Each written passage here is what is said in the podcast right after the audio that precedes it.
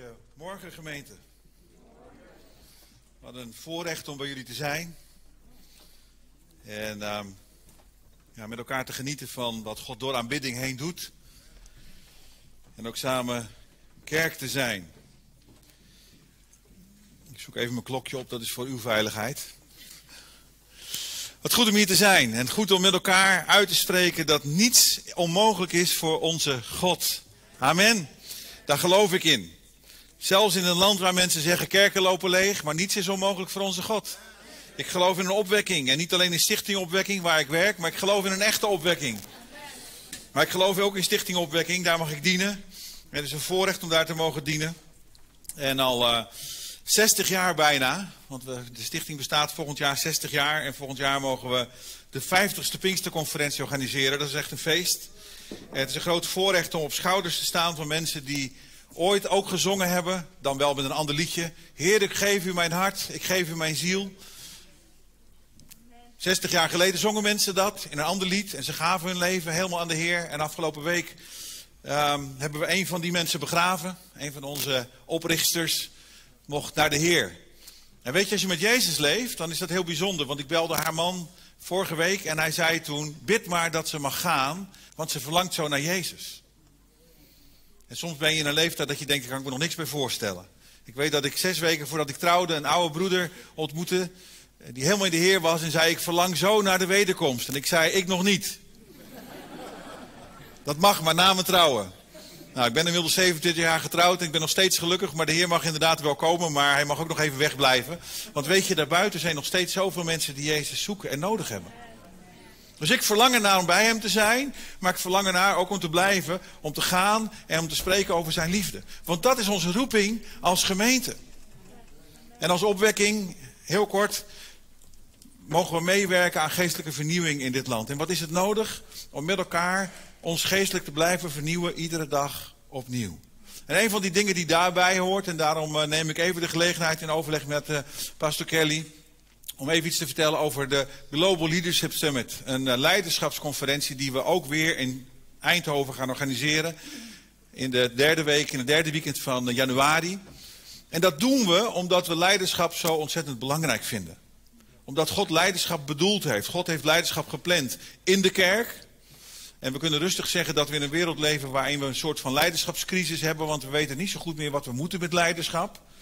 Maar God heeft leiders bedoeld. En eigenlijk zijn we allemaal leiders, want leiderschap is niets minder en niets meer dan invloed. En iedereen die invloed heeft, is een leider. En ik geloof heel erg dat we met elkaar moeten ontwikkelen en groeien in ons leiderschap. En wij geloven dan ook dat iedereen beter wordt, niet alleen de kerk, maar ook de maatschappij, als een leider zich ontwikkelt. En daarom organiseren we een conferentie niet alleen voor leiders van de kerk, maar ook voor leiders in de kerk. Want er zijn heel veel mensen die ook hier zitten, die ergens in hun, in bedrijf, in hun organisatie, een vorm van leiderschap hebben, een vorm van invloed. En hoe is het, wat is het belangrijk dat wij met elkaar leren wat bijbels leiderschap is, om juist op die plek in de maatschappij op een bijbelse manier leiderschap te geven. Of in de zorg zit. Ik heb jaren in de zorg gewerkt, ook als manager. En wat was het lastig? Want als ik dan mensen moest uh, soms moest ontslaan vanwege reorganisatie, dan bad ik echt van Heer, hoe kan ik iets van uw liefde laten zien op zo'n lastig moment? En juist op die moment heb ik ervaren dat God wijsheid gaf en liefde gaf en betrokkenheid gaf. En dat dat het verschil mocht maken. Dus jij en ik mogen het verschil maken op de plek waar we functioneren. En daarom organiseren we zo'n leidersconferentie waar je allemaal welkom bent. En misschien zeg je wel van nou ik heb een, uh, een leidinggevende die ook nog wel wat kan leren. Neem dan straks de folder mee. Ik zal zorgen dat die in de gang ligt. En nodig hem uit, omdat de GLS, zoals we hem noemen, is niet alleen bedoeld voor christenen. Hij is juist ook bedoeld om mensen te betrekken en te laten zien dat wij als kerk, wij als Koninkrijk van God, ook betrokken zijn bij de maatschappij. Waarom? Omdat God betrokken is bij de maatschappij. Amen. Ik geloof dat wij als kerk ons licht mogen laten schijnen. Zeker als je in een stad uh, leeft zoals... Uh, Eindhoven, die niet voor niks de lichtstad genoemd wordt, dan zijn we geroepen om hier Gods licht te laten schijnen. Amen. Ik las uh, twee artikelen een paar weken geleden, of twee uh, columns uh, in de krant. Wie leest wel eens een krant? Dus even checken. Want ik ontdek dat er weinig christenen zijn die de krant lezen. Snap ik wel, want in de krant staat vaak slecht nieuws. Maar goed, dan moet je daar heel veel Bijbel naast lezen.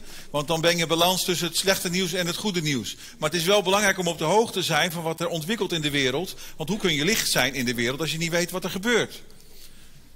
Maar goed, twee, uh, twee columns trokken mijn aandacht in het bijzonder. En de eerste daarvan ging over een, een voorganger die iets deed wat voor velen van ons in de evangelische beweging wat controversieel is. Maar hij wilde een tattoo laten zetten zeggen we dan. Maar goed, hij, en hij koos een, een, een, een tattoobedrijf in een klein dorpje ergens in een bijbelbelt. En het interessante was dat hij in gesprek raakte met die tatoeëerder. Een van de beste van het land, zoals hij omschreef. En die tatoeëerder vertelde hem dat hij heel veel last had van de mensen in dat dorp. Want het was een streng christelijk dorp. En hij zegt, de mensen moeten me hier niet zo. En dat werd hem ook op allerlei manieren duidelijk gemaakt. Hij had zelfs stenen door de ruiten gekregen met een briefje eraan dat hij moest opzouten. Omdat hij niet welkom was in dat dorp wat zo christelijk was vanwege de christelijke visie. En het raakte mijn hart. Dat we soms als christenen het beeld kunnen geven aan niet-christenen dat ze niet meer welkom zijn. Dat ze niet passen bij ons. Dat ze het beste weg kunnen blijven. Maar weet je, vanmorgen wil ik met jullie spreken over eh, iets waar ik in geloof. Iedereen is welkom aan de tafel van Jezus. Iedereen is welkom aan de tafel van Jezus. Het andere artikel, en daar ga ik ook wat in de praktijk mee doen tijdens de preek, was iemand die schreef dat hij te vaak, als hij zat op een zondag in de kerk, het gevoel had dat hij naar een soort televisieshow zat te kijken. Waarin hij aanschouwde en het van afstand meemaakte. Het enige nadeel, zo omschreef hij, was dat er geen afstandsbediening was waar hij mee kon zeppen of het zachter kon zetten. Ik hoop dat je hier vanmorgen zit met verwachting. En dat je hier niet alleen zit om te aanschouwen en te zien wat hier gebeurt. Met al die mensen die zich voorbereid hebben. En wat hebben jullie een prachtige aanbiddingsgroep. En wat hebben jullie prachtige mensen in een team die ons meenemen in aanbidding. Maar dat is wel de bedoeling, dat ze ons meenemen. En je komt niet naar de kerk om hier alleen te consumeren. We komen hier om samen elkaar te ontmoeten, maar samen ook Jezus te ontmoeten. Dus het is zeker niet de bedoeling dat je alleen maar aanschouwt. En dat ga je vanzelf merken tijdens de preek. Want ik ga jullie even aan het werk zetten straks. Dus bereid je maar voor, dan schrik je niet. Mocht je dat niet gewend zijn, komt vanzelf goed. Maar iedereen is welkom aan de tafel van Jezus. Maar toch, en ik hou van de kerk, laat ik dat voorop stellen. Wij dienen de kerk. Ik ben echt een kerker, ik ben een gemeenteman. En ik wil steeds blijven leren hoe Jezus met mensen omging. Hoe Jezus met mensen meeliep. En we gaan vandaag gewoon een stuk met Jezus meeleven. Dus als je je Bijbel bij je hebt, open hem vooral in Lucas hoofdstuk 18. En dan gaan we een wandeling maken samen met Jezus en zijn, en zijn discipelen terwijl zij onderweg waren naar Jeruzalem. Verderop in hoofdstuk 18 vertelt Jezus ook aan zijn discipelen dat hij onderweg is naar de plek waar hij gedood gaat worden waar hij zal sterven. En het is zo belangrijk om met elkaar te leren wat Jezus ons wil laten zien. En we lopen door het verhaal heen. Ik zie dat jullie de goede gewoonte hebben om te gaan staan bij het lezen. Dat mag. Maar ik lees het eerste stukje en daarna gaan we nog veel meer lezen. Dus om te voorkomen dat jullie de hele preek blijven staan. Mag ook. Is heel actief. Dat zou, wel, dat zou wel weer spectaculair zijn, hè? Als niet alleen ik sta, maar jullie ook allemaal. Als we dan allemaal meelopen naar links, naar rechts, dan word je ook niet zo moe. Weet je wel, dan, uh, dat scheelt een heleboel. Maar boven hoofdstuk 18, vers 9, staat de volgende titel. De erfgenamen van het koninkrijk van God. De erfgenamen. Ik hoop dat we met elkaar hier erfgenamen zijn van het koninkrijk. En als je het niet bent, dan mag je het worden vandaag. Je mag erbij horen, want iedereen is welkom aan de tafel van Jezus. En dan zegt de schrijver Lucas dit, met het oog op sommigen die zichzelf rechtvaardiger vinden dan anderen en anderen minachten, vertelt hij de volgende gelijkenis.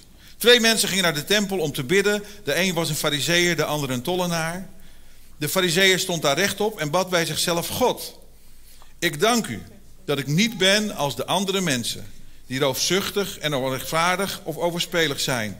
En dat ik ook niet ben als die tollenaar. Ik vast twee maal per week en ik draag een tiende van al mijn inkomsten af. Wat een goede christen. Deed alles conform het boekje. En de tollenaar, vers 13. Echter bleef op een afstand staan en durfde niet eens zijn blik naar de hemel te richten. In plaats daarvan sloeg hij zichzelf op de borst en zei: God, wees mij zondaar genadig. Ik zeg jullie, hij ging naar huis als iemand die rechtvaardig is in de ogen van God, maar die ander niet. Want wie zichzelf verhoogt, zal vernederd worden. Maar wie zichzelf vernedert, zal verhoogd worden. Amen. Amen. U mag gaan zitten. Even op, opmerkelijk dat de Bijbel begint met het oog op sommigen die zichzelf rechtvaardiger vinden dan anderen. En dan schetst de Bijbel het verhaal van een fariseer, een schriftgeleerde, een leider in de kerk, zou je kunnen zeggen. En hij, hij beschrijft het verhaal van een tollenaar. En hier moet je goed op letten. Want als je de Bijbel doorleest, en dat gaan we vandaag doen, dan ontdek je dat niets toeval is in de Bijbel. Ook vandaag niet. Dus let op het feit dat het verhaal begint met een tollenaar. Want we eindigen straks ook met een tollenaar. En die fariseer en die tollenaar, heel verschillend van elkaar, die lopen die tempel binnen en de een gedraagt zich anders dan de ander. En Jezus vertelt dit met het oog op de mensen die zich rechtvaardiger vinden. De mensen die zich beter vinden dan de ander. Terwijl er anderen zijn die er misschien, en die zitten misschien ook wel van, vanmorgen hier, die zich eigenlijk niet eens geëerd genoeg voelen om maar bij Jezus te zijn. Maar iedereen is welkom aan de tafel van Jezus. En terwijl Jezus dit vertelt en de discipelen dus dat, dat horen en luisteren naar dat verhaal over die tollenaar, die fariseer en wie zich beter voelt dan de ander, lopen ze verder en wij lopen met hun verder mee. En terwijl ze verder lopen, komen er een paar moeders aan met kleine kinderen. En ze willen maar één ding en dat is kinderen bij Jezus brengen. Ze willen dat Jezus ze aanraakt, dat Jezus ze zegent. Ze vinden één ding belangrijk. Die kinderen, zo jong als ze zijn, zoals wij als ouders ook vaak bidden. En daarom nemen we onze kinderen ook mee naar de kerk. Wij verlangen ernaar dat ze niet alleen een leuk kleurwerkje maken, een leuk verhaal luisteren. Maar dat ze vooral een ontmoeting hebben met Jezus. Dat is althans altijd mijn gebed voor mijn eigen kinderen. En nu zijn ze al lang geen kinderen meer, want de jongste is 20 en de oudste is 22. Maar ik bid nog steeds dat ze steeds opnieuw een ontmoeting zullen hebben met Jezus. Dat was het verlangen van die ouders. En let op, want Jezus had net een verhaal verteld over degene die zich belangrijker en rechtvaardiger voelde. Want die ouders die komen met die kinderen in vers 15. En wat doen de volgers van Jezus? Wat doen de discipelen van Jezus?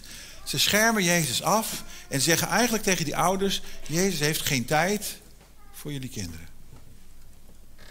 Ze zeggen eigenlijk: Jezus is te belangrijk voor jullie kinderen. En gelukkig grijpt Jezus in, want Jezus roept de kinderen bij zich en hij zegt: Laat ze bij me komen. Houd ze niet tegen, want het koninkrijk van God behoort tot degene die zijn zoals zij. Niet alleen staat Jezus open voor de kinderen, niet alleen zegt Jezus laat ze komen, maar Jezus leert ons ook nog de les. We moeten blijven zoals een kind. En wat is dat moeilijk, lieve mensen? Toen ik even koffie aan het drinken was met pastor Kelly, hadden we het even over hoe dingen ontwikkelen in de gemeente. En hoe belangrijk wij het vinden, en die passie delen we met elkaar, dat jonge mensen opstaan en in de bediening komen. Dat ze gaan dienen in het koninkrijk van God. En hoe wij als inmiddels de oude generatie het belangrijk vinden dat jonge mensen ruimte krijgen, dat we ze kunnen mentoren. Maar wat we ook bespraken met elkaar, dat het allermoeilijkste om in de bediening te komen, is om de bediening te overleven. En wat bedoel ik daarmee? Is dat de Bijbel niet voor niets zegt dat over alles waarover je waakt, waak vooral over je hart.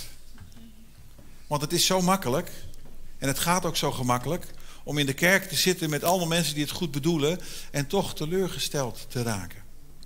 Als je met elkaar omgaat, hoe vaak doen we elkaar pijn? Hoe vaak trappen we elkaar op elkaars tenen? En dan gaat de eenvoud van het kind gaat eraf. En dan bouwen we muren om ons hart. Maar wat Jezus bedoelt is dat we zeker volwassen moeten worden in het geloof, maar dat we goed gelovig moeten blijven als een kind. En dat is een oefening. En daarom zitten we hier met elkaar.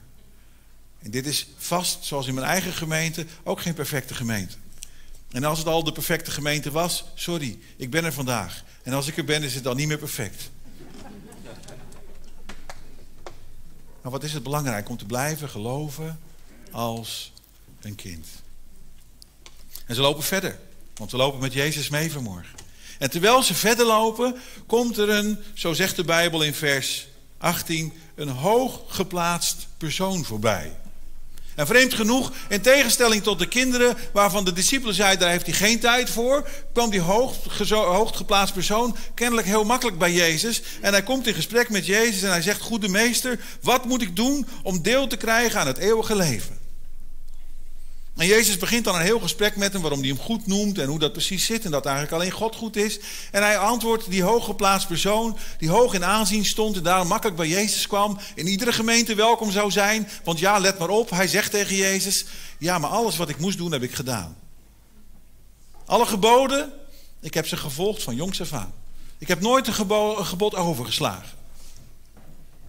Ik geloof dat dit is het type van mens die in heel veel van onze gemeentes inderdaad gewoon maar naar binnen zou lopen. Wij zouden er weinig moeite mee hebben. Maar Jezus kijkt altijd dieper. Jezus kijkt altijd dieper dan de buitenkant. Jezus gaat altijd verder dan de buitenkant. En daarom zegt Jezus, dat is prachtig dat je altijd aan de wet hebt gehouden, maar ik vraag je één ding, verkoop alles wat je hebt, geef dat aan de armen en volg mij. En dan staat er iets heel verdrietigs. De jonge man, die keert Jezus de rug toe en hij loopt weg. Want, zegt de Bijbel, hij had veel geld. En zijn hart en zijn schat lag niet zozeer in het volgen van Jezus, niet zozeer in het volgen van het koninkrijk van God, maar zijn hart lag in zijn geld. En hij keerde Jezus de rug toe en liep weg. En wat me opvalt is, Jezus gaat er niet achteraan. We hebben nog wel eens de neiging om achter mensen aan te hollen. Dat ken ik wel, ook als voorganger. Altijd maar achter mensen aan die weg blijven lopen. Maar soms moet je mensen laten gaan. Want Jezus is op zoek naar mensen die zelf een keuze maken. En als je hart nog gebonden is aan iets anders, dan kan het ook niet anders. Want dan lukt het niet om te zingen. Ja, het lukt wel om te zingen. Het lukt alleen niet om te doen. Heer, ik geef u mijn hart, ik geef u mijn ziel. Ik leef alleen voor u. Maar als je het koninkrijk van God openbaar wil, wil zien worden in je eigen leven, dan is dat de beste keuze. En Jezus gaat hem niet achterna, want had veel geld. Hij neemt dan de twaalf apart en hij vertelt dat verhaal wat ik net noemde, dat ze op onderweg zijn naar Jeruzalem, waar hij gedood zal worden. En Jezus was zo gericht op de missie van God in zijn leven. Jezus was zo gericht op datgene wat God door hem heen wilde doen, dat hij heel bewust naar Jeruzalem optrok in de wetenschap dat hij daar gedood zou worden. Ik vind het wel eens bijzonder, ik spreek wel eens met mensen en ik heb met een tijd met een, uh, met een leider gewerkt die beweerde altijd, Jezus heeft haast. God heeft haast. En ik zeg altijd, dat is niet waar. Want als God ja haast zou hebben, dan zou Jezus begonnen zijn op zijn twaalfde en niet op zijn dertigste. Maar Jezus begint op zijn dertigste en werkt drie jaar zoals God het van hem bedoeld heeft. En na drie jaar gaat hij op naar Jeruzalem om daar zijn plan, zijn missie te volvoeren. Hij gaat daar sterven, zodat wij hier 2000 jaar later in Eindhoven in een kerkgebouw bij elkaar zouden kunnen zitten. Is het niet wonderlijk? Zoveel liet Jezus van ons. Hij liet zich niet van de wijs brengen. Hij was gericht op datgene wat God wilde in zijn leven. En hij nam discipelen mee en nam de menigte mee. En die probeerde te leren hoe God naar mensen kijkt. Hij probeerde mensen te leren wat ik steeds herhaal. Iedereen is welkom aan de tafel van Jezus. Maar het was moeilijk om dat te begrijpen. Behalve dan, als je rijk en belangrijk bent, dan denken mensen van nou, dan zou je wel meer bij Jezus horen. Maar de kinderen, dat is wat lastiger. En Jezus loopt op van de ene plek richting Jericho. En van Jericho zou hij naar Jeruzalem trekken. En terwijl hij bij Jeruzalem binnenloopt. En dan lezen we verder hè, in, vers, in hoofdstuk 18. Vanaf vers 35. Daar lezen we het verhaal dat Jezus aankomt bij Jericho. En terwijl hij daar met die menigte voorbij loopt, zit daar een man langs de kant van de weg. Een blinde. Vers 35. En toen de blinde de menigte hoorde voorbij komen, vroeg hij wat er gaande was. Je moet je voorstellen, die blinde die zat daar iedere dag te bedelen. En had veel verhalen gehoord van menigte mensen die voorbij kwamen, die bij Jezus waren geweest. Als de mensen terugkwamen van een vermenigvuldiging van een paar broodjes en een paar visjes, 5000 man zonder vrouw en kinderen mee te tellen, die had Jezus gevoed. En die mensen die kwamen weer naar huis en die liepen voorbij die blinden. En hij hoorde die verhalen over die Jezus van Nazareth. Dat Jezus een dood had doen opstaan. En de mensen liepen voorbij, die blinden, en hij hoorde de verhalen. En nu liep er een grote menigte voorbij en hij vraagt, wat is er, wat is er aan de hand? En iemand zei, het is Jezus van Nazareth die voorbij komt. En het licht ging aan in het hoofd van die man. Want hij dacht, al die verhalen, al die getuigenissen, dan kan ik het niet voorbij laten gaan. En hij begint te schreeuwen. Hij begint te roepen, Jezus van Nazareth. Jezus van Nazareth. Heb medelijden met mij. Maar de volgers van Jezus, de kerk, zei tegen die blinden: Je verstoort de dienst. Dat is wat wij vaak doen, hè?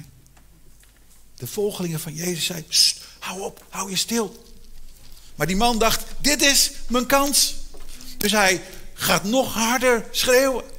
Jezus, Jezus van Nazareth, dit is een kans. Ik weet niet hoe je zit vanmorgen, maar als je iets van Jezus nodig hebt, grijp je kans. Want Jezus is hier. Daar geloof ik in. En laat je niet afleiden door anderen als je iets van Jezus nodig hebt. Kom naar Jezus. Want wat doet Jezus? Jezus stopt. En hij zei dat de blinde bij hem moest komen. En toen deze voor hem stond, dan gebeurt er iets interessants. Want kunnen we toch een hoop leren van Jezus. Toen hij voor hem stond, vroeg hij, en dit raakt me, wat kan ik voor u doen? Ik zou denken, als geoefende voorganger en als spreker, ja, als een blinde naar voren komt bij een oproep voor gebed, dan wil hij één ding. Zien. Maar zo is Jezus niet. Jezus doet het anders. Jezus vraagt aan die blinde, wat kan ik voor je doen? Weet je, wij zijn heel oplossingsgericht. Ik ook. Ik werk ook op een werk waar ik oplossingsgericht moet zijn. Dus ik, ben, ik schakel snel. En als mensen met een probleem komen, dan weet ik de oplossing. Maar Jezus doet het anders. Jezus begint bij de vraag. En dat is wat wij vanmorgen gaan oefenen. Ik wil je vragen om even te gaan staan. Dat is het mooie van gemeente zijn. En even niet de hele zondag toekijken. Ik wil je straks vragen om, uh, om even je om te draaien naar de persoon achter je of voor je. Zoek dat even uit, hè, maar dat je even wel dat je iemand tegenkomt. Dus niet de persoon naast je, want dat is meestal de persoon waar je mee naar de kerk bent gekomen. Dat is te makkelijk. En als je dan iemand gevonden hebt waar je tegenover staat, dan ga je dus dit doen. En let op hè, want we gaan het even niet, niet te evangelisch maken. De, de bedoeling is dat je aan de ander vraagt, wat kan ik voor je doen? En het kan zijn, het kan zijn dat die persoon zegt, je mag voor me bidden. Maar het kan ook zijn dat iemand gewoon zegt, luister even naar mijn verhaal. En aangezien we toch in Brabant zijn, en ik hou van Brabant, ik ben in Zuid-Amerika opgegroeid. Het kan zijn dat iemand zegt, ik heb gewoon een huk nodig. Vraag nou gewoon eens aan die andere persoon, wat kan ik voor je doen? Niet gelijk de oplossing en neem er even de tijd voor. Ja? Oké, ga je gang.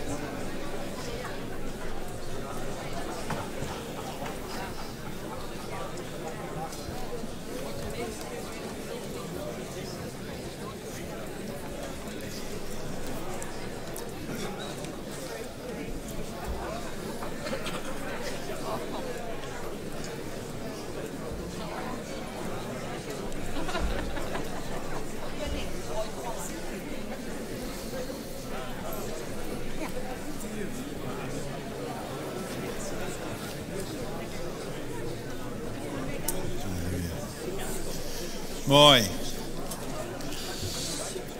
Nou, als je hier nou geen genoeg van kan krijgen, dan is er na de dienst koffie drinken en jullie hebben altijd wat lekkers daarbij. Want dit is gemeente zijn. Weet je, dit is samen gemeente zijn. Dit is waar in de essentie het om gaat. Als je elkaar ontmoet, elkaar vragen stelt, met elkaar bezig bent. Misschien kunnen we de gesprekken weer afronden en dan kun je die straks voortzetten bij, uh, bij de koffie of bij de soep. Ik weet niet, jullie hebben altijd zoveel lekkers hier. Dat is altijd goed hier. Yes. Maar lieve mensen, dit is zo wat we van Jezus kunnen leren. Dat we in plaats van gelijk het antwoord gewoon elkaar eens bevragen: wat kan ik voor je doen? Er zit zoveel kracht in die vraag. Wat kan ik voor je doen? En die blinde zegt uiteindelijk tegen Jezus: Ik wil zien. En dat is voor Jezus niet de grootste moeite. Want hij zegt ook: Je zult zien, en hij wordt genezen. En hij zegt dan ook: Uw geloof heeft u gered. Want dat is het belangrijkste wonder. En dan, weet je, als ik dan kijk naar die menigte en ik leer van Jezus, maar ik leer ook van die menigte, want ik hoor bij die menigte die Jezus volgt. En die soms tegen kinderen zegt, doe me even niet. En die soms een blinde het, het zwijgen oplegt, omdat het dan te lastig is in de kerk. Want ja, al die herrie, al die afleiding, al dat staan en praten met elkaar, dat moet eigenlijk niet doen. Hè. Zo, ik ben van die menigte die dat soms lastig vindt. En ik wil oefenen in het elkaar bevragen. Wat kan ik voor je doen? En Jezus geneest. En dan staat er dit. Alle mensen, alle mensen. Die getuigen waren geweest van dit voorval, van die genezing. Brachten hulde aan God. Alle mensen brachten hulde aan God. Let op de detail. Alle mensen. En dan komt die tweede tollenaar, hoofdstuk 19. Jezus ging Jericho in en trok door de stad en er was daar een, man die Zacchaeus heette. Een rijke hoofdtollenaar. Hij was niet zomaar een tollenaar, nee, hij was een hoofdtollenaar. Nou, ik weet niet of er mensen hier zitten die bij de belasting werken. Dan zullen we voor je bidden.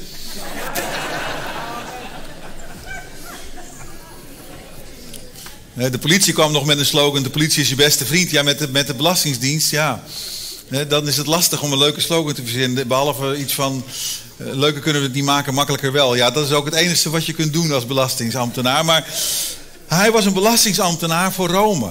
En de tollenaars stonden ervoor onbekend dat ze niet alleen belasting inden, maar ze legden daar nog een percentage bovenop die ze dan lekker zelf hielden. En omdat ze die belasting inden met hulp van de, uh, van de soldaten van Rome, konden ze dat gewoon doen. En iedereen wist dat ze corrupt waren en niemand kon er wat tegen. Ja, wat leidt iemand tot corruptie? Wat leidt iemand tot zo zijn? En het staat er niet. Wat er wel staat is dat hij klein van stuk was. En misschien was hij wel gepest in de brugklas. Ik weet het niet. Misschien waren er allerlei dingen in zijn leven gebeurd. Waardoor hij verbitterd was geraakt en nu dit was gaan doen. Ik weet het niet. Het punt is, was, hij was hoofdtollenaar. En hij had niet veel vrienden. Maar op dit moment, als Jezus Jericho binnenloopt. Dan denkt die hoofdtollenaar. Die net als die andere man, die andere tollenaar in de tempel dacht van ja, maar wie ben ik? Hij denkt toch, als Jezus komt, die moet ik zien. En er staat ook niet waarom hij bij Jezus kwam. En weet je, eigenlijk doet dat er niet zo toe. Want er zijn vele redenen om bij Jezus te komen. Zoals we hier zitten met elkaar, hebben we allemaal misschien een, een verschillende reden om vanmorgen bij Jezus te komen. En weet je, dat mag. Je mag komen zoals je bent. Je mag komen met datgene wat nu in je hart speelt. En misschien twijfel je wel. Misschien ben je wel boos of verdrietig. Of teleurgesteld. Of misschien wel heel blij. Misschien ben je heel dankbaar. Dan wil je vooral feest vieren voor Jezus. Maar zoals je zit vanmorgen ben je welkom aan de tafel van Jezus. En Zacchaeus wilde één ding, hij wilde Jezus zien. En hij dacht, ik ga naar de route ik weet niet of dat een beetje was zoals dat hier wel eens gaat met Koningsdag. Weet je wel, dat je van tevoren weet op door welke straten die gaat. Maar Zacchaeus wist waar Jezus zou komen. En hij gaat naar die route toe en hij probeert Jezus te zien. Maar opnieuw, en dat valt me dan zo op. De menigte die Jezus volgde, stond in de weg. De mensen die Jezus volgden stonden in de weg van die kleine man, zodat hij Jezus niet kon zien. En hij dacht in zijn slimheid, ik ren vooruit en ik klim in een boom. Maar als ik al zei, in de Bijbel staat niets voor niets. Want wat zegt Lucas namelijk? Hij klom, vers 4, hij klom in een vijgenboom. Waarom zou het nou interessant zijn om te vermelden dat hij in een vijgenboom klom? Was een gewone boom niet, boom niet genoeg geweest? Nee, dat was niet genoeg geweest, want er was iets met die vijgenboom. Als je namelijk teruggaat naar Genesis, daar waar de zondeval plaatsvindt, toen Adam en Eva, en ik stel me dat zo voor, hè, kun je, ik weet niet of je net als ik, sommige mensen zijn dat net zoals ik, beeldend ingesteld. Ik stel me zo voor hoe dat was toen God Adam en Eva gemaakt had. En ze iedere middag door de tuin, door de Hof van Eden liepen, naast elkaar, om met elkaar te praten over die prachtige schepping die God gemaakt had. En Adam en Eva hadden een opdracht gekregen om alle dieren naam te geven. Dus iedere middag liepen ze, dan kwam God weer. Met, met die regelmaat van iedere dag langs. En dan gingen ze door de tuin. Dan ging Adam vertellen welke namen hij verzonnen had voor de dieren. En dat God dan zei: Prachtig, Adam. Wat leuk. Oh, wat een goede naam. Een olifant. Ja, die ziet eruit als een olifant. Wat een goede naam. En God komt op een zekere dag die tuin weer binnen. Op de afgesproken tijd. En hij merkt, er is iets veranderd. Die God die de mens geschapen had om, om relatie te bouwen. Als, als kroon op de schepping. Als lof op dat, al datgene wat hij gedaan had. En hij trok met ze op iedere middag. Nu komt hij aan en er is iets veranderd. Heb je wel eens hè, in relaties. Als dingen verkeerd gaan. Dat je voorbij komt en dat je merkt. Er hangt iets in de lucht. En God merkte, er hangt iets in de lucht. En hij ging op zoek naar Adam en Eva. En hij kon ze niet vinden, want ze waren niet op de, op de afgesproken plek. En terwijl hij door de tuin loopt en ze roept, komen ze tevoorschijn. En op het moment dat ze tevoorschijn komen, ziet God twee dingen. Eén, er is iets veranderd in hun gezicht. En twee, ze hebben zich bedekt met bladeren. Met vijgenbladeren. Zij dachten, als we ons nou bedekken met vijgenbladeren, dan ziet God vast niet wat er gebeurd is. Maar God is God. En God wist het al. Er was zonde gekomen in het leven van de mens. De consequentie was dat de mens de hof uit werd gestuurd en dat er een breuk was in die relatie. En dat God het grootste verdriet van zijn leven kende, want de mensen die hij geschapen had voor relatie konden geen relatie meer met hem hebben, want er was zonde. En er was één oplossing. En God hield zoveel van ons, lieve mensen. Dat hij bereid was om die ene oplossing aan te bieden. Zijn eigen zoon. Die werd mens. En koos ervoor om te wandelen naar Jeruzalem om te sterven. Zodat de relatie hersteld kon worden. En wat doet, wat doet Zacchaeus? Die klimt in een vijgenboom. Misschien wel omdat hij besefte dat hij als hoofdtollenaar niet zoveel te zoeken had bij Jezus. In ieder geval niet volgens zijn volgelingen. Niet volgens die fariseer die daar in de tempel stond en dacht van ja, maar ik ben veel beter dan een tollenaar. Laat staan hoeveel beter je bent dan een hoofdtollenaar. En de hoofdtollenaar dacht, ik wil Jezus wel zien, maar ik heb liever niet dat hij mij ziet. Hij klimt in een vijgenboom. Maar Jezus is Jezus. En iedereen is welkom aan de tafel van Jezus. En Jezus loopt voorbij en hij stopt precies bij die ene boom. En hij kijkt omhoog en hij zegt: Zacchaeus, kom snel naar beneden. En ik vind het prachtig hoe dat er staat. Want ik, vandaag moet ik in jouw huis zijn. Jezus neemt het initiatief, hij nodigt zichzelf uit en hij, hij, hij, hij, spreekt uit wat er in zijn hart is. Vandaag moet ik in jouw huis zijn. Ik vind dit prachtig. Ik groeide op in een voorgangersgezin, in een zendingsgezin, in een maatschappij die, waar wij nu naartoe gaan, daar kom ik vandaan. Wij polariseren in Nederland steeds meer. Ik zeg wel eens, in Nederland mag je alles zijn behalve christen. Ik groeide op in zo'n maatschappij, dus ik ben er ook niet zo bang voor. Want ik heb ook gezien dat God dat ook weer kan terugdraaien. Maar dat het afhangt van hoe wij ons als kerk, als koninkrijk van God, zichtbaar gaan maken in deze wereld. Maar in die zwart-wit wereld groeide ik ook wel op met soms die angst van wat vindt God allemaal van mij? En als tiener, als jonge jonge, jonge persoon was ik op zoek naar God en ik wilde God, God dienen en ik wilde God volgen. Maar als tiener was dat wel lastig. Met alle dingen die mijn tienerhoofd voorbij kwamen. En ik ging worstelen met God en ik ging heel vaak me bedekken met een soort van, van die vijgenbladen. En aan de buitenkant leek het wel oké, maar aan de binnenkant wist ik hoe het zat. En toen las ik Psalm 139. En als je Psalm 139 niet kent, dan moet je hem vanmiddag eens even zorgvuldig doorlezen. Want Psalm 139 zegt namelijk dat God alles van mij weet. Dat God als het ware dwars door mij heen kijkt. En dat God zelfs al weet wat ik ga zeggen, nog voordat de woorden op mijn tong liggen. God weet exact wie ik ben, wat er in me speelt, waar ik aan denk, waar ik mee worstel, waar ik niet mee worstel. En weet je wat het allermooiste is? Desondanks houdt Hij van mij. Desondanks houdt Hij van jou.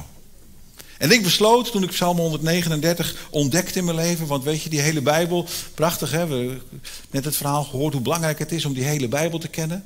Maar soms brengt God momenten dat, dat teksten eruit springen en die zijn dan ineens voor jou.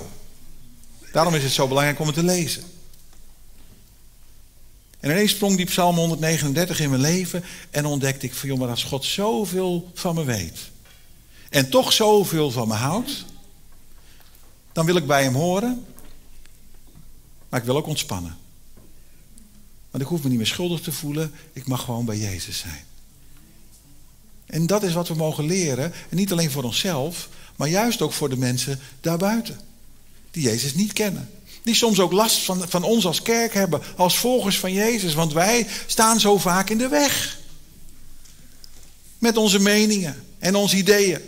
En onze antwoorden in plaats van vragen omdat we denken dat sommige mensen er wel bij horen en anderen niet. Maar lieve mensen, het is waar op basis van het woord van God. Iedereen is welkom aan de tafel van Jezus. En weet je, Jezus nodigt zichzelf uit bij het huis van Zacchaeus. En het is heel interessant, want net in, vers, uh, in het laatste vers van hoofdstuk 18, en ik haalde dat even naar voren, alle mensen die dat wonder hadden gezien, die loofden God om wat Jezus gedaan had. Het is nog steeds diezelfde menigte. Maar let, op wat er gebeurt met de menigte. En let op wat er gebeurt als je met de menigte meeloopt. Vers 7. Alle die dit zagen, zeiden mopperend, morrend tegen elkaar. Hij is het huis van een zondig mensen binnengegaan om onderdak te vinden voor de nacht. Alle mensen die eerst God groot maakten, diezelfde alle mensen, die mopperen nu op Jezus. Want hij doet iets wat zij niet begrijpen. Hij gaat het huis van een zondaar binnen. En dat snap ik wel, want ik heb heel vaak geworsteld met hoe ga je met bepaalde mensen om. En in een tijd waarin we leven zijn die vragen alleen nog maar groter. Hoe gaan we om met al die dingen die zich om ons heen ontwikkelen, met al die vragen en al die moeilijke dingen? Maar weet je, iedereen is welkom aan de tafel van Jezus. Weet je waarom? Omdat je het vervolg van het verhaal van Zacchaeus moet lezen. Want er gebeurt namelijk iets als mensen Jezus ontmoeten. Als voorganger heb ik zo vaak geworsteld met hoe ga ik mensen in het gereel houden. Hoe kan ik nog meer preken? Hoe kan ik nog beter preken? Hoe kan ik mensen nog meer vertellen wat God wil? En al die dingen zijn belangrijk. We zeiden tegen elkaar in, de voor, in, in, in, het gebed, terwijl we even koffie aan het drinken waren. Hoe belangrijk is Bijbelstudie? Iets wat we een beetje kwijt zijn in onze tijd. Kennis van het woord is belangrijk. Maar weet je wat het allerbelangrijkste is? Een persoonlijke ontmoeting met Jezus. Er is één ding wat het leven echt verandert. Er is één ding wat mijn leven dagelijks verandert. En er is één ding wat het leven van de mensen om mij heen kan veranderen. En als dat is, als ik ze bij Jezus breng en zij, jij en ik, maar ook die mensen daarbuiten, een persoonlijke ontmoeting hebben met Jezus. Dat verandert alles. Maar soms zijn we druk. Soms zijn er dingen gebeurd in ons leven. En is het al lang geleden dat we bij Jezus waren? En misschien mag ik je die vraag gewoon vrijmoedig stellen vanmorgen. Wanneer was de laatste keer dat je persoonlijk bij Jezus was? Want weet je, er is één ding wat je verdriet en je bitterheid en je teleurstelling en je ziekte en alle dingen die soms spelen in het leven van, van een mens, wat daar verandering in brengt. En dat is steeds opnieuw bij Jezus komen. Want kijk wat er gebeurt.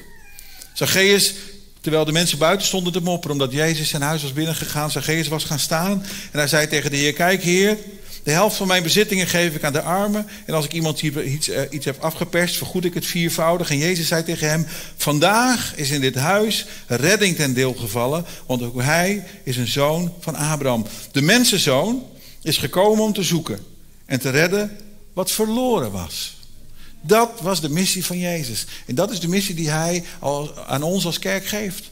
Om de wereld in te trekken en te redden wat verloren is. Niet om in de weg te staan, om mensen te ontvangen. Om mensen te ontmoeten. Om tegen mensen te zeggen, je bent welkom aan de tafel van Jezus. En weet je, Jezus gaat zelf die mensen veranderen. Want als je Jezus ontmoet, ben je nooit meer dezelfde. Natuurlijk is bekering nodig. Natuurlijk is levensverandering nodig. Maar ik heb in mijn leven ontdekt, en in het leven van anderen, want ik dacht altijd dat ik het voor anderen ook kon regelen, dat God mensen niet verandert zoals het in mijn boekje staat. God verandert mensen zoals het in zijn boekje staat. Hij gaat zijn weg, in zijn volgorde met mensen, en ik moet soms leren loslaten. En als je dat niet van tevoren weet, dan geeft God je kinderen en dan ontdek je het in het leven van je kinderen. Want je wil ook dat je kinderen doen zoals jij het wil, maar die doen het ook niet zoals jij het wil. En dan leer je om te bidden voor mensen, zodat ze een ontmoeting met Jezus hebben. Maar het begint bij ons. Het begint bij ons getuigenis. Zoals die vrouw, die Samaritaanse vrouw die bij de put kwam bij Jezus. Die Jezus had ontmoet en de stad inging en tegen de mensen zei: Ik heb de Messias ontmoet. En ze gingen met haar mee en toen zeiden ze tegen Jezus: Blijf nog. En het is prachtig wat er in dat verhaal staat. Aan het eind van het verhaal zeggen ze: En we geloven nu niet meer om wat jij hebt gezegd, maar we hebben hem zelf ontmoet. Het allerbelangrijkste van deze dag, van deze morgen hier met elkaar, van de tijd die we met elkaar hier spenderen, is dat je in ieder geval weet dat je de kans hebt. Het is een kans om Jezus zelf te ontmoeten. En dat je hier vandaan mag gaan vanmorgen. Met deze woorden. En dat je, als je straks buiten staat, dat je kunt zeggen: Ik geloof nu niet meer omdat de voorganger het zo mooi zei, of omdat, het, omdat de band zo mooi kon zingen. Dat is niet de reden waarom ik geloof, maar ik geloof het omdat ik hem zelf heb ontmoet. Maar soms moeten we de barrière doorbreken. Maar Jezus is hier. En hij wil ons leren om vanuit die ontmoeting de wereld in te trekken. Niet in de weg te staan, maar open te staan. En iedereen die het nodig heeft, iedereen die het wil, bij Jezus te brengen. En van gast, want we komen altijd de kerk binnen als gast, door te groeien naar gastheer en gastvrouw. Mensen die bedienen, die in de dienst staan van Jezus. En Jezus als het ware presenteren aan anderen. Maar er is wel een stap voor nodig. Om te groeien van gast naar gastheer en gastvrouw. Maar dat is wat God ons mee wil geven vanmorgen. Maar het start met die persoonlijke ontmoeting. Zullen we een moment stil worden en laat de Heilige Geest gewoon tot je hart spreken.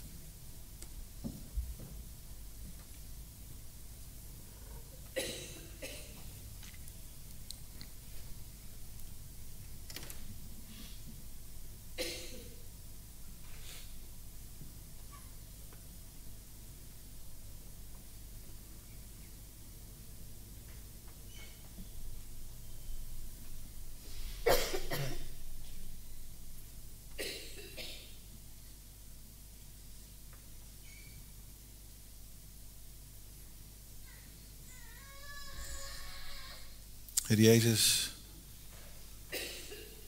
we danken u dat u hier bent vanmorgen. Door uw Heilige Geest vult u deze ruimte. En dank u dat u voor u mogen staan. Zoals die twee mensen die in de tempel stonden. En ik bid, Heer God, dat ook al voelen we ons onwaardig, zoals die tollenaar zich voelde. Dat we mogen beseffen dat zoals we hier zijn vanmorgen, dat we welkom zijn aan uw tafel. Dat u dwars door de vijgenbladen heen kijkt die we misschien om ons leven gebouwd hebben. De schone schijn, Heer, alle dingen die ons helpen om onze smile op te houden terwijl het in ons hart anders is. Dank u dat u ons niet afwijst vanmorgen en dat u ons uitnodigt en dat u juist met ons aan tafel wil gaan vanmorgen. En dat we vanuit die ontmoeting met u ons mogen bekeren en op mogen staan en anders hier vandaan mogen gaan.